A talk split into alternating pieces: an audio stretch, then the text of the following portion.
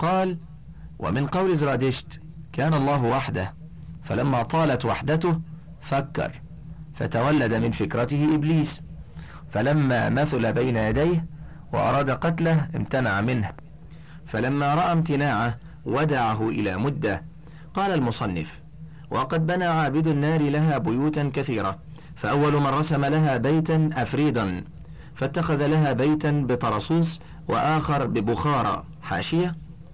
طرسوس كلمة عجمية رومية لا يجوز سكون الراء إلا في ضرورة الشعر وهي مدينة بثغور الشام بين أنطاكية وحلب وعليها سوران وخندق واسع ولها ستة أبواب ويشقها نهران البردان وبها قبر المأمون وما زالت موطنا للزهاد والصالحين يقصدونها ثم لم تزل مع المسلمين في أحسن حال إلى أن كان سنة أربع وخمسين وثلاثمائة فاستولى عليها الروم معجم البلدان الجزء الرابع صفحة الثامنة والعشرون والتاسعة والعشرون. وبخارى من أعظم مدن ما وراء النهر وأجلها بينها وبين جيحون يومان وكانت قاعدة ملك السامانية وهي مدينة قديمة نزهة كثيرة البساتين واسعة الفواكه وقد فتحت في عهد معاوية وينسب إليها خلق كثير من أئمة المسلمين منهم إمام أهل الحديث البخاري. معجم البلدان الجزء الثاني صفحة الحادية والثمانون إلى السادسة والثمانين. انتهى. واتخذ لها بهما بيتا بسجستان. حاشية. سجستان بكسر الأولى والثانية. إحدى بلدان المشرق بينها وبين هراه عشرة أيام. وأرضها كلها رملة سبخة وبها نخل كثير وتمر وفي رجالهم عظم خلق وجلادة. الجزء الثالث صفحة التسعون والمئة والثانية والتسعون والمئة. انتهت الحاشية. واتخذ لها أبو قباذ بيت بناحية بخارى وبنيت بعد ذلك بيوت كثيرة لها. وقد كان زرادشت وضع نار زعم أنها جاءت من السماء فأكلت قربانهم. وذلك أنه بنى بيتا وجعل في وسطه مرآة ولف القربان في حطب وطرح عليه الكبريت. فلما استوت الشمس في كبد السماء قابلت قوة قد جعلها في ذلك البيت. فدخل شعاع الشمس فوقع على المرآة فانعكس على الحطب فوقعت فيه النار فقال لا تطفئوا هذه النار. فصل. قال المصنف وقد حسن إبليس لعنه الله لأقوام عبادة القمر ولآخرين عبادة النجوم. قال ابن قتيبة حاشية أبو محمد عبد الله بن مسلم ابن قتيبة العالم الكبير أصله فارسي من مدينة مرو. ولد سنة ثلاث عشرة بعد المئتين. سكن بغداد. وحدث بها عن ابن راهويه وطبقته. وتصانيفه كلها مفيدة. منها غريب القرآن غريب الحديث مشكل القرآن طبقات الشعراء. كانت وفاته سنة سبع وستين ومائتين أو سنة ست وسبعين ومائتين بغية الوعاء الصفحة الحادية والتسعون بعد المئتين. شذرات الذهب الجزء الثاني صفحة التاسعة والستون والمئة وانتهت الحاشية. قال ابن قتيبة وكان قوم في الجاهلية عبدوا الشعر العبور وفتنوا بها. وكان أبو كبشة الذي كان المشركون ينسبون إليه رسول الله صلى الله عليه وسلم أول من عبدها. وقال قطعت السماء عرضا ولم يقطع السماء عرضا غيرها. وعبدها وخالف قريشا. فلما بعث رسول الله صلى الله عليه وسلم ودعا إلى عبادة الله وترك الأوثان قالوا هذا ابن أبي كبشة أي شبهه ومثله في الخلاف كما قالت بنو إسرائيل لمريم يا أخت هارون أي يا شبيهة هارون في الصلاح وهما شعريان إحداهما هذه والشعرة الأخرى هي الغميصاء وهي تقابلها وبينهما المجرة والغميصاء من الذراع المبسوط في جبهة الأسد وتلك في الجوزاء. وزين إبليس لعنه الله لآخرين عبادة الملائكة. وقالوا هي بنات الله تعالى. تعالى الله عن ذلك. وزين لآخرين عبادة الخيل والبقر. وكان السامري من قوم يعبدون البقر فلهذا صاغ عجلا. حاشية. عن ابن عباس رضي الله عنهما قال كان السامري رجلا من أهل باجر. وما كان من قوم يعبدون البقر. وكان حب عبادة البقر في نفسه وكان قد أظهر الإسلام مع بني إسرائيل وكان اسمه موسى بن ظفر وقال قتادة كان من قرية سامراء انظر تفسير ابن كثير في الجزء الثالث في الصفحة الثالثة والستين بعد المئة انتهت الحاشية. وكان السامري من قوم يعبدون البقر فلهذا صاغ عجلا. وجاء في التعبير أن فرعون كان يعبد تيسا وليس في هؤلاء من أعمل فكرة ولا استعمل عقله في تدبير ما يفعل. نسأل الله السلامة في الدنيا والآخرة.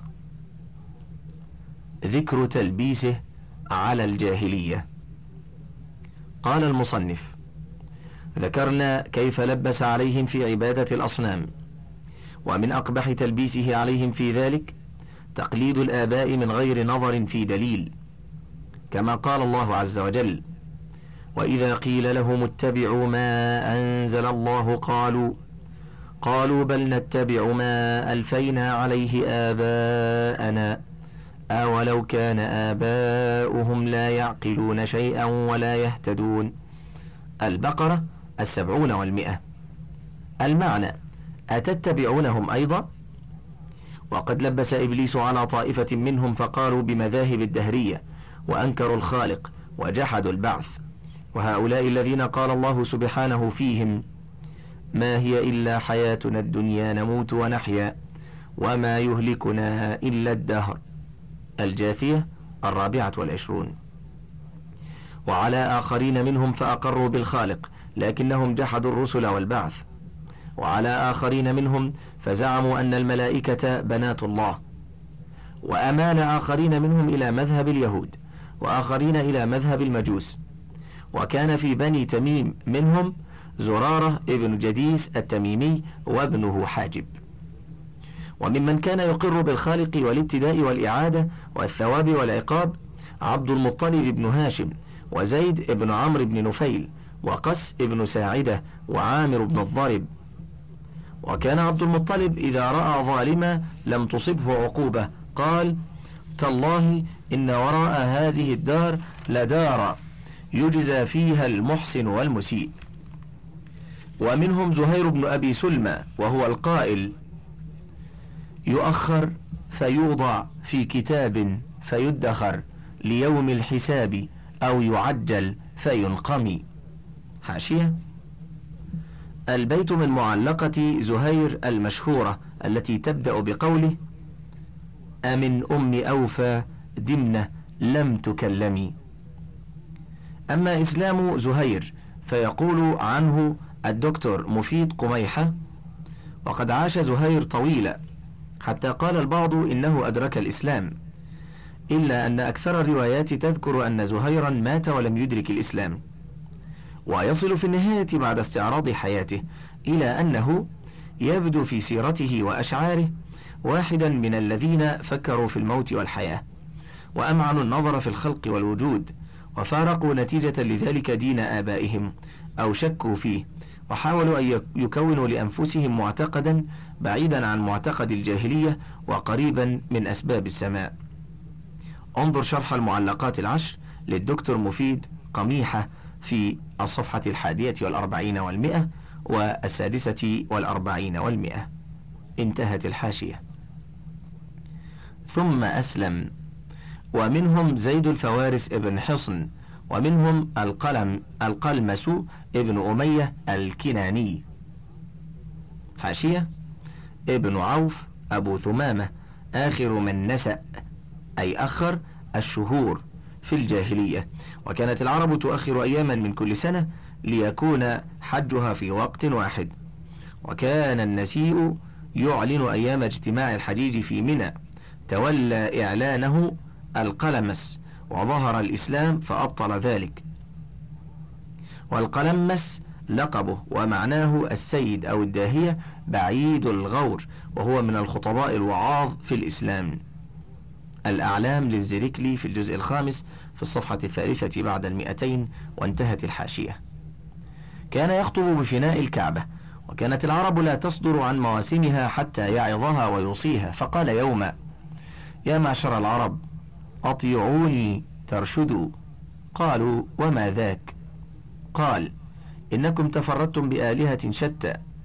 إني لأعلم ما الله بكل هذا راض وأن الله رب هذه الآلهة وإنه لا يحب أن يعبد وحده. فنفرت عنه العرب لذلك ولم يسمعوا مواعظه وكان فيهم قوم يقولون من مات فربطت على قبره دابته وتركت حتى تموت حشر عليها. ومن لم يفعل ذلك حشر ماشيا. وممن قاله عمرو بن زيد الكلبي. قال المصنف وأكثر هؤلاء لم يزل على الشرك وإنما تماسك منهم بالتوحيد. ورفض, ورفض الأصنام القليل كقس ابن ساعدة وزيد.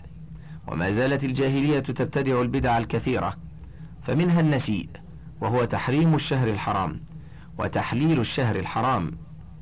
فهو تحريم الشهر الحلال وتحليل الشهر الحرام.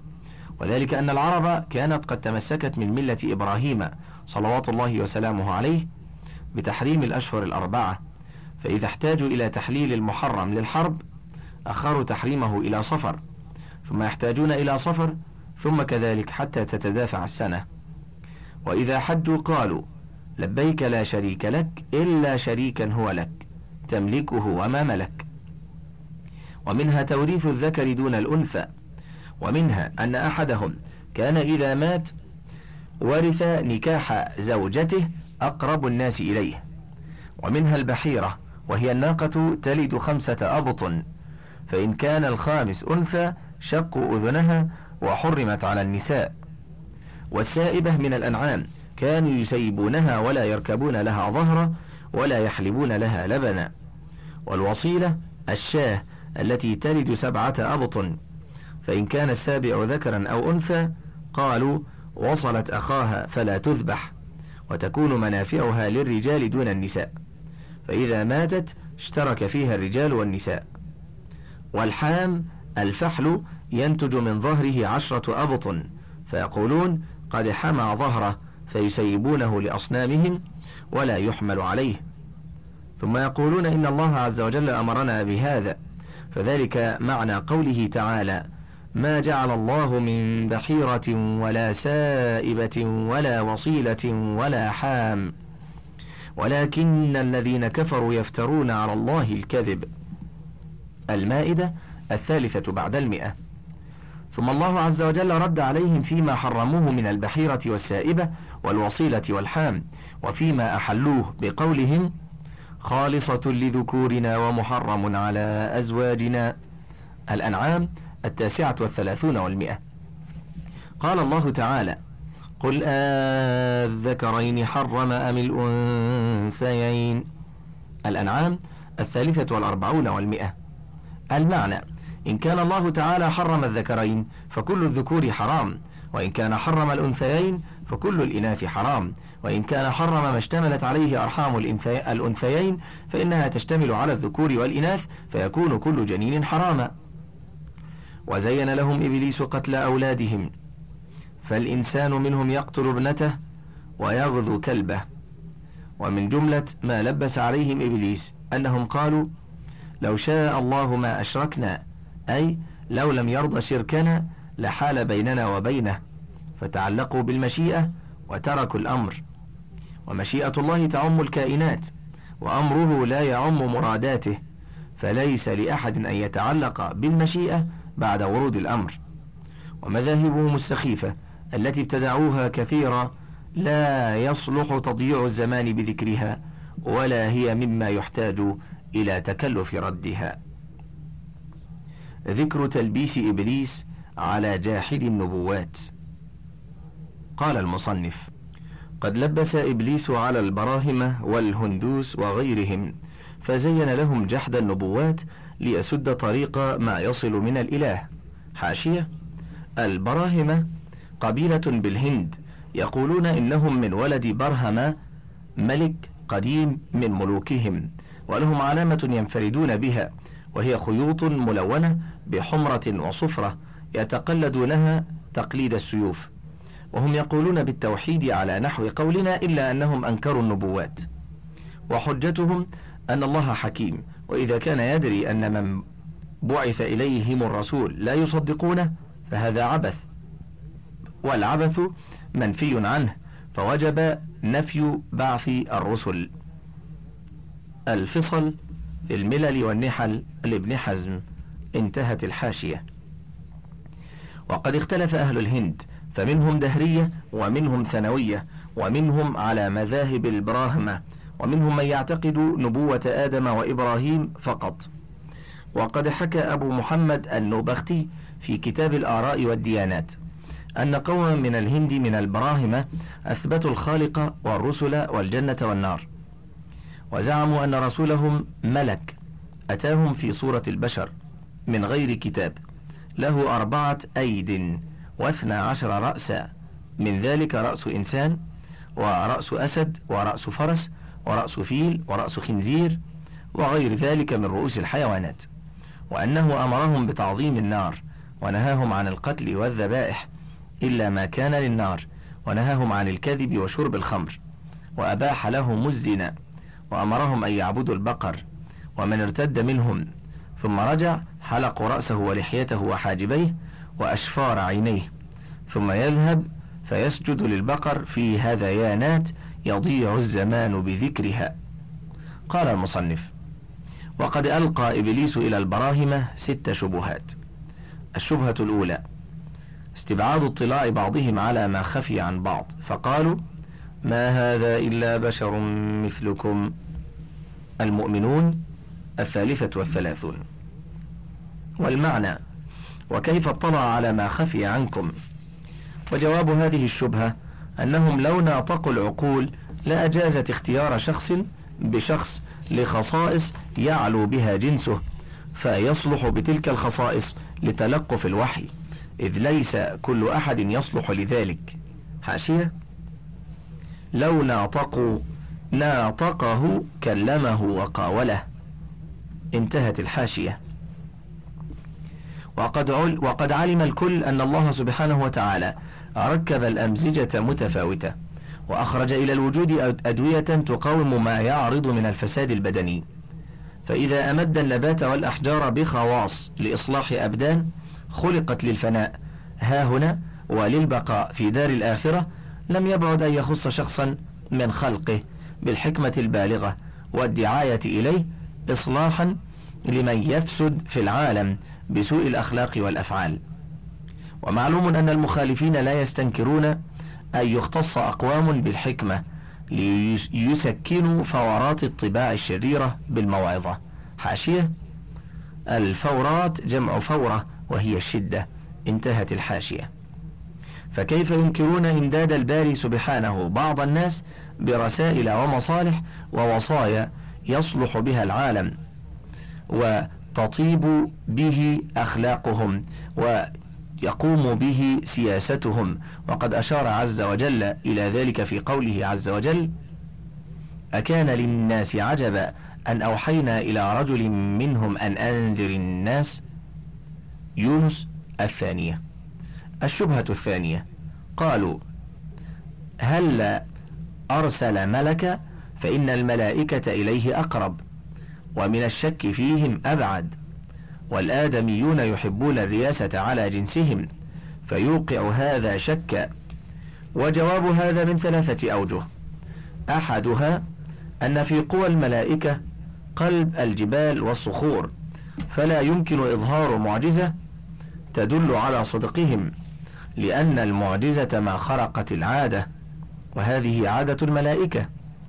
وإنما المعجزة الظاهرة ما ظهرت على يد بشر ضعيف ليكون دليلا على صدقه. والثاني أن الجنس إلى الجنس أميل فصح أن يرسل إليهم من جنسهم لئلا ينفروا وليعقلوا عنه. ثم تخصيص ذلك الجنس بما عجز عنه جنسه دليل على صدقه. والثالث أنه ليس في قوى البشر رؤية الملك وإنما الله تعالى يقوي الأنبياء بما يرزقهم من إدراك الملائكة. ولهذا قال الله تعالى ولو جعلناه ملكا لجعلناه رجلا أي لينظروا إليه ويأنسوا به ويفهموا عنه. ثم قال وللبسنا عليهم ما يلبسون أي لخلطنا عليهم ما يخلطون على أنفسهم حتى يشكوا فلا يدرون.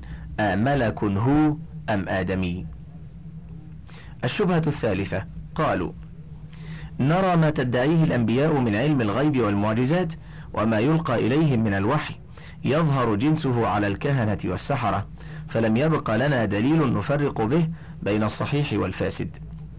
والجواب أن نقول إن الله تبارك وتعالى بين الحجج ثم بث الشبهة وكلف العقول الفرق. فلا يقدر ساحر أن يحيي ميتا ولا أن يخرج من عصا حية. وأما الكاهن فقد يصيب ويخطئ بخلاف النبوة التي لا خطأ فيها بوجه. الشبهة الرابعة. قالوا لا يخلو إما أن تجيء الأنبياء بما يوافق العقل أو بما يخالفه فإن جاءوا بما يخالفه لم يقبل وإن جاءوا بما يوافقه العقل يغني عنه. والجواب أن نقول قد ثبت أن كثيرا من الناس يعجزون عن سياسات الدنيا حتى يحتاجوا إلى متمم كالحكماء والسلاطين فكيف بالأمور الإلهية والأخروية؟ الشبهة الخامسة قالوا قد جاءت الشرائع بأشياء ينفر منها العقل فكيف يجوز أن تكون صحيحة؟ من ذلك إيلام الحيوان. والجواب أن العقل ينكر إيلام الحيوان بعضه لبعض فأما إذا حكم الخالق بالإيلام لم يبق للعقل اعتراض. وبيان ذلك أن العقل قد عرف حكمة الخالق سبحانه وتعالى. وأنه لا خلل فيها ولا نقص فأوجبت عليه هذه المعرفة التسليم لما خفي عنه. ومتى اشتبه علينا أمر في فرع لم يجز أن نحكم على الأصل بالبطلان. ثم قد ظهرت حكمة ذلك فإنا نعلم أن الحيوان يفضل على الجماد. ثم الناطق أفضل مما ليس بناطق بما أوتي من الفهم والفطنة والقوى النظرية والعملية. وحاجة هذا القوي الناطق إلى إبقاء فهمه. لا يقوم في إبقاء القوى مقام اللحم شيء ولا يستطرف تناول القوي الضعيف. وما فيه فائدة عظيمة لما قلت فائدته. وإنما خلق الحيوان البهيم للحيوان الكريم. فلو لم يذبح لكثر وضاق به المرعى ومات فيتأذى الحيوان الكريم بجيفته فلم يكن لإيجاده فائدة. وأما ألم الذبح فإنه يستر وقد قيل إنه لا يوجد أصلا لأن الحساس للألم أغشية الدماغ لأن فيه الأعضاء الحساسة. ولذلك إذا أصابها آفة من صرع أو سكتة لم يحس الإنسان بألم. فإذا قطعت الأوداج سريعة لم يصل ألم الجسم إلى محل الحس. ولهذا قال عليه الصلاة والسلام إذا ذبح أحدكم فليحد شفرته وليرح ذبيحته. حاشية صحيح. مسلم في الصيد والذبائح. باب الأمر بإحسان الذبح والقتل وتحديد الشفرة. الرقم سبعة وخمسون. وليحد شفرته أي ليشحذ السكين جيدا. انتهت الحاشية.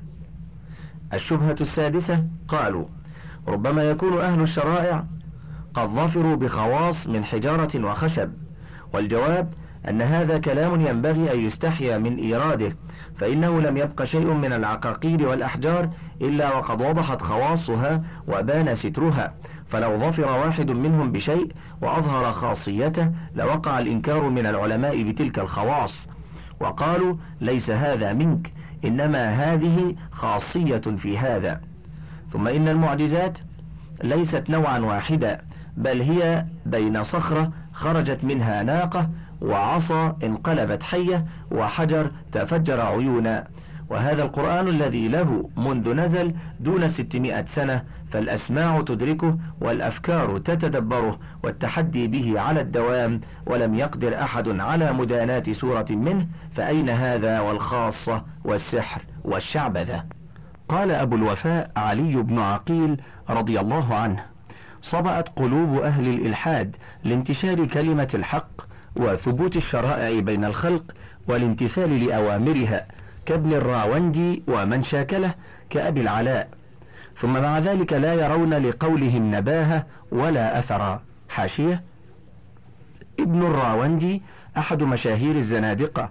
كان أبوه يهوديا فأظهر الإسلام ويقال إنه حرف التوراة كما عاد ابنه القرآن بالقرآن وألحد فيه وصنف كتابا في الرد على القرآن سماه الدامغ وكتابا في الرد على الشريعة والاعتراض عليها سماه الزمردة وقد رد على هذه الكتب. وهرب ابن الراوندي قبحه الله ولجأ إلى اليهودي ابن لاوى ثم مات سنة ثمان وتسعين ومائتين البداية والنهاية الجزء الحادي عشر الصفحة الثانية عشرة بعد المئة.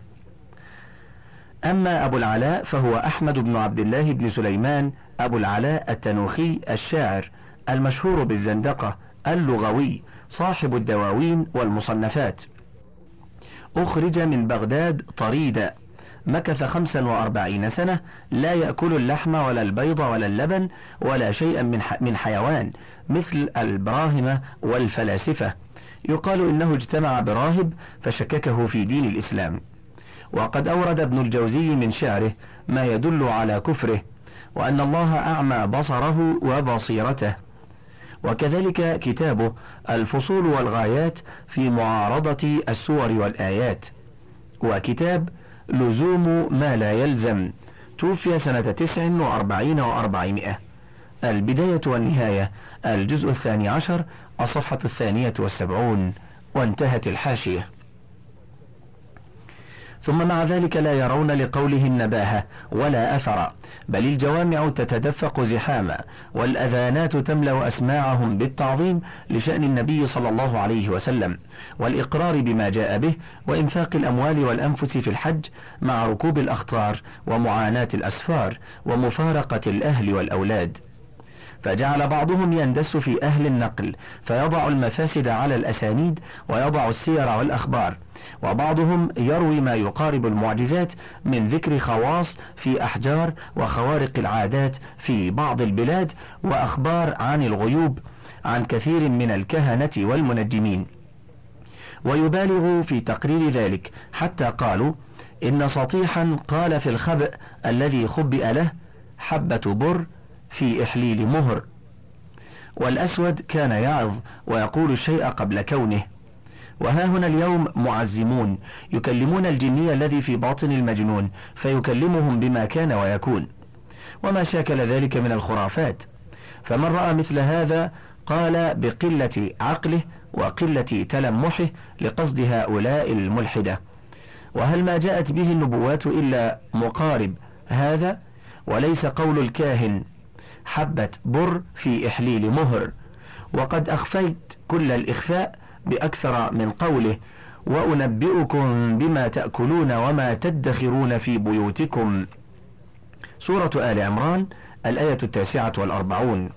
وهل بقي لهذا وقع في القلوب؟ وهذا التقويم ينطق بالمنع من الركوب. اليوم. وهل ترك تلمح هذا إلا النبي؟ والله ما قصدوا بذلك إلا قصدا ظاهرا. ولمحوا إلا لمحا جليا. فقالوا تعالوا نكثر الجولان في البلاد والأشخاص والنجوم والخواص فلا يخلو مع الكثرة من مصادفة الاتفاق لواحدة من هذا. فيصدق بها الكل ويبطل أن يكون ما جاء به الأنبياء خرقا للعادات. ثم دس قوم من الصوفية أن فلانا أهوى بإنائه إلى دجلة فامتلأ ذهبا فصار هذا كالعادة بطريق الكرامات من المتصوفين وبطريق العادات في حق المنجمين وبطريق الخواص في حق الطبائعيين وبطريق الكهانة في حق المعزمين والعرافين. انتهى الشريط الخامس وللكتاب بقية على الشريط التالي.